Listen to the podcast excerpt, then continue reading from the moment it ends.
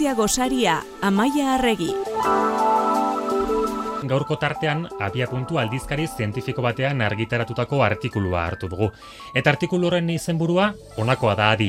Itxasontzi batek 2000 emeretziko jabako esnezko itxaso bioluminiszentearekin egin du topo.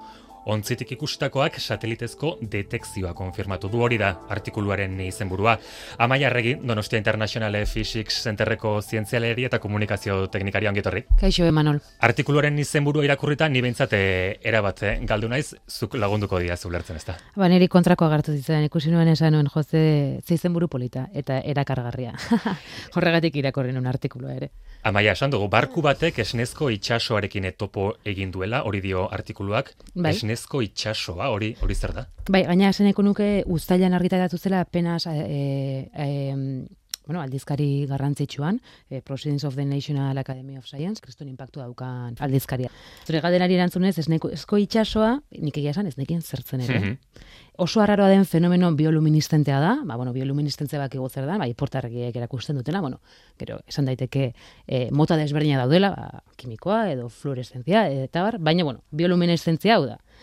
Izaki zibi bizun batek sortzen duen argia, Eta pentsatzen da mundu osoan esnezko itsaso hau gehienez bi aldiz gertatzen den fenomenoa dela urtean.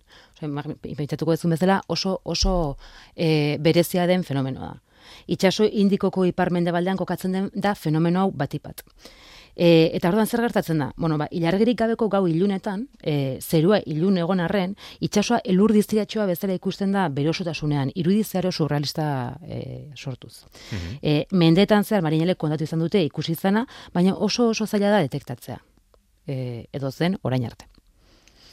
Eta pistaren bat eh, eman diguzu, baina fenomeno horren eh, jatorrian amaia, eh, zer dago organismoek eh, sortzen duten argia esan diguzu. Bai, bai, hori da, bueno, ikerlariak susmoa dute, e, baina ez dago guztiz demostratua eta mekanismo guztiaren, bueno, ikertzar legoke, e, atzean bakterian bioluministenteak daudela. E, gutxi gora bera, itxasoren gainazelean egongo lirateken e, bakteriak. E, honen arabera, e, bakteria hauek elkarren artean komunikatuz, erantzun diztiratxu batera egiten dute populazio kritiko batera ailegatu arte. E, quorum sensin izena duen prozesu baten bitartez. Ere Mhm. interesgarria da. Quorum, quorum sensin honi esker, bateriek e, genak autorregulatzen dituzte eta gai dira e, beren populazioa zein den e, jakin eta horren arabera ba, e, populazioetara iritsi eta bertan gelitzeko. E, inork ez du hala ere momentuan lagin bat hartu, hau da, ez da inor egon esnezko itsaso baten erdian lagin bat hartu itsasotik edo balde batean hartu eta momentuan mikroskopio baten azpian begiratu, beraz mekanismoa benetan zen den oraindik ez dakigu. Oraindik beraz eh, ikertzeko asko dagoela fenomeno honen inguruan eta esan diguzu uste da urtean eh, pare bat aldiz gertatzen den eh, Edo batzutan fenomenoa dela Gehienez edo edo igual ez da gertatzen urte osoan zehar. eta gainera eh, pentsatzen dut oso toki jakinetan eh, emango dela. Akaso horregatik eh, dugu amaia hain informazio gutxi fenomeno honen inguruan, ezta? Bai, e, penasako artikuluan esaten du urtean 0 eta bi e, aldiz gertatu daiteke, laula, zientifiko kitzenez, 0 eta bi, 0 aldiz gertatu daiteke. Osea, e, orduan, oso gutxitan gertatzen da, gainera oso urrutiko tokietan, eta gertaera iragankorra da, ordu batzu besterik ez ditu irauten. Orduan, pues, bueno, detektatzea ez da inerrexia, pentsatzen dugu, jo, neri, ni honek, neri honek ere atentzio egiten, ez pentsatzen dut, hainbeste itxasontzi egon da, bueno, ba, zeharkatzen hariko direla, benetan, azalera e, asko behin da berriz, baina hala ere, ba, badirudi ez ez. E, ez dela bat ere erresa detektatzen. E, larogeita bostean detektatu zuten Arabiako itsasoan eta larogeita masean, larogeita bostean Somaliako kostaldean. E, baina, bueno, espero da, e, artikulu honetan hitz egin dugun- hitz egingo dugun bezala, ba, orain garatzen ari diren teknologia berri eta teknika berrien bitartez, ba, gehiago gehiagotan detektatu eta gehiago jakin izango dugula fenomeno bitxi honi buruz. Mhm, Eta horretarako kontua da sateliteak ere ba, jarri dituztela nolabait eh, lanean fenomeno honen bila eta zantzu batzuk behintzat ikusi dituela satelite batek, ezta? Bai, NOAA a, izena duen e, National Oceanic and Atmospheric Administrationen, bueno, satelite oso berezi batek, Day Night ban e, izena duen gailu oso oso ultrasentikorra dauka, eta honi esker bai guzkia baino milioi bat aldiz zaulago den argia detekta daiteke.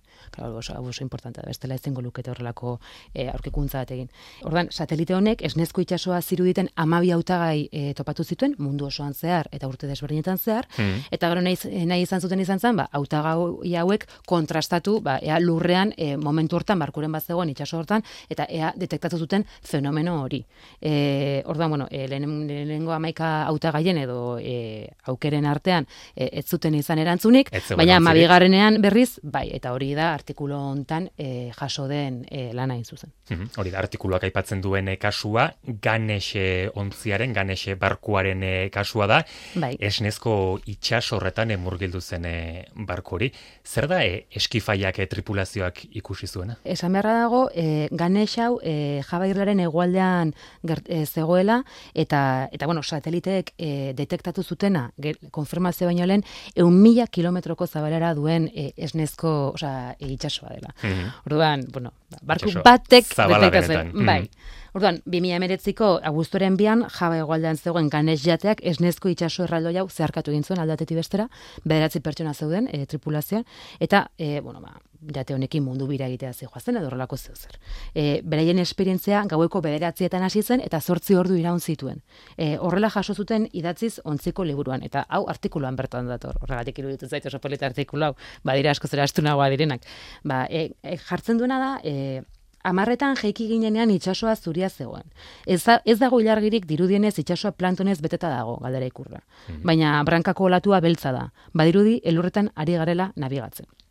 Ero gaina elkarrizketak egin zizketen, e, eta bueno, ba, aldez aurretik genekiena gutxi gora korroboratu egin zuten.